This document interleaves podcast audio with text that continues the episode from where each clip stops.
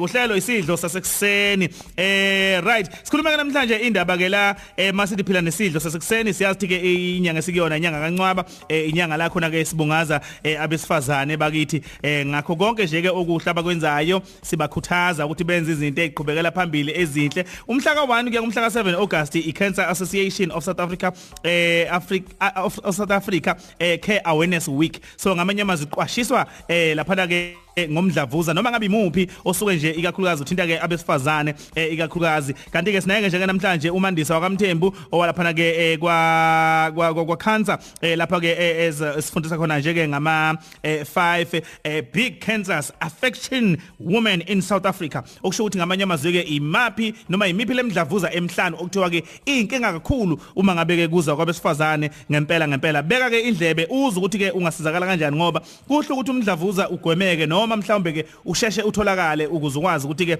welapheke ngendlela efanele ngoba uyinkinga enkulu ngendlela emangalisayo. Sinayeke la emsakazweni ukhoze FM umandisa wakamthembu. Simukele sikwamukele emsakazweni ukhoze FM mvelase Sanibona bhuti njani? Siyaphila ntombi njani wena? Hayi siyaphila. Ngibingelele wena lesinongcebo nabalaleli lokhoze Mandisa eh uma sibheka izona ke inhlobo ezahlukahlukene zomdlavuza. Eh sizoyibala njengoba siyazi ukuthi nifundisa ngale midlavuza usuku nosuku yebo kuleli viki nisuke ngigxile kakhulu kulama 5 big cancers njengoba kuyona awareness week. Kodwa ake sibheke nje ukuthi ikuphi okuhamba phambili okuthinta thina abantu besifazane. Okay. Em ikakhulukazi ama cancer athinta abantu besifazane. Ngikale nje ngokucacisa ukuthi umuntu angathola noma engayimuphi umdlavuza kodwa ngokocwaningo yilawa ahamba phambili kakhulu kubantu besifazane.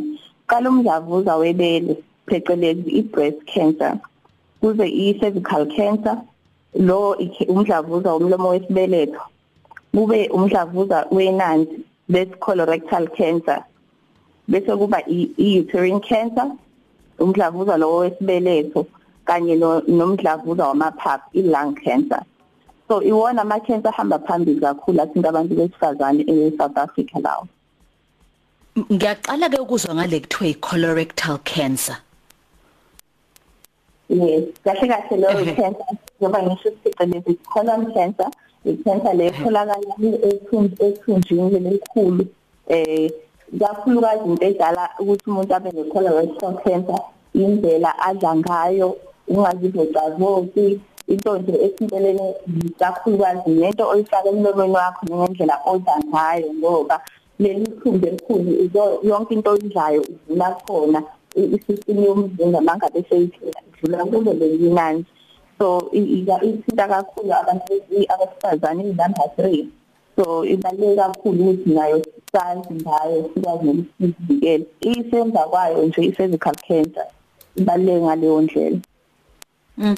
Manje ke mhlambe into ngathi iyona kufanele siqikelele kunazo zonke eh ekuthenini siqinisekise ukuthi impilo yethu ihlezi sesimone esikahle ngaso sonke isikhathi. Angazi noma mhlawumbe amanye ama cancer ayagwemeka noma mhlawumbe ikuphi umuntu ekufanele kwenze kodwa nje ongakubeka eqhulwini uthi yabona ke uma ugade lokhu ukuze ukwazi ukuthi wenze u1 no 2 no 3 no 4 no 5 ikona kuzosiza Ngiyabona nje isinonqebe izinto ezihamba phambili ekuyizona ezidala umdlavuza umdlavuza umuntu esibiza into omncane umuntu esifazane okwayi obhenywayo utshwala ukungazivocavoci nokungadli ngendlela efanelekile ukudla okunomsoco.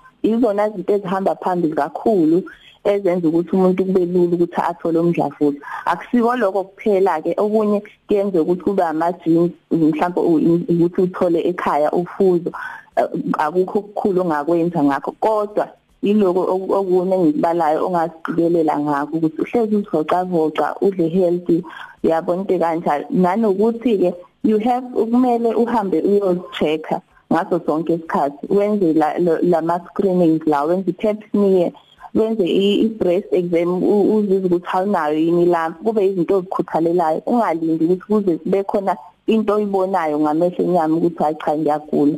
Ayikho into ekuthiwa amahlala khona. Mawuzi ukuthi khona okungajwayelekile okwenzeka emzimbeni wakho kufanele ukusukumele ngaleso sikhathi. Ayikho into ekuthiwa mahlala khona ukuthi sisukume sihambe siyochecka. Mhlawumbe ke sesonga ingxoxo yethu.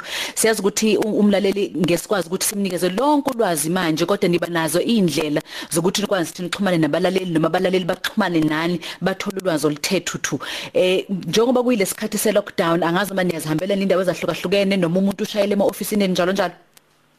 Njengoba kuyisikhathi lockdown nje ngingayishiya inamba ukuthi abantu bakhona ukuthinda sewuzozwa wena ukuthi ukuphi neSouth Africa sizoxhumanisa nabaseduzane nawe uma mhlawumbe umuntu ofuna ukuze clinic uzokwenza ama screening iphone number etholakala kuyo 0800 22 66 22 0800 22 66 22 siyatholakala na ku WhatsApp 071 867 3530 Sibonga kakhulu. uMandisa Mthembu ovelekene ke Cancer Association uh, of South Africa iCancer. Bakuyi Care Awareness Week lapho befundisa khona ngeinhlobo ezahlukahlukene zemidlavuzo. Ngangene ku website yabo cancer.org.za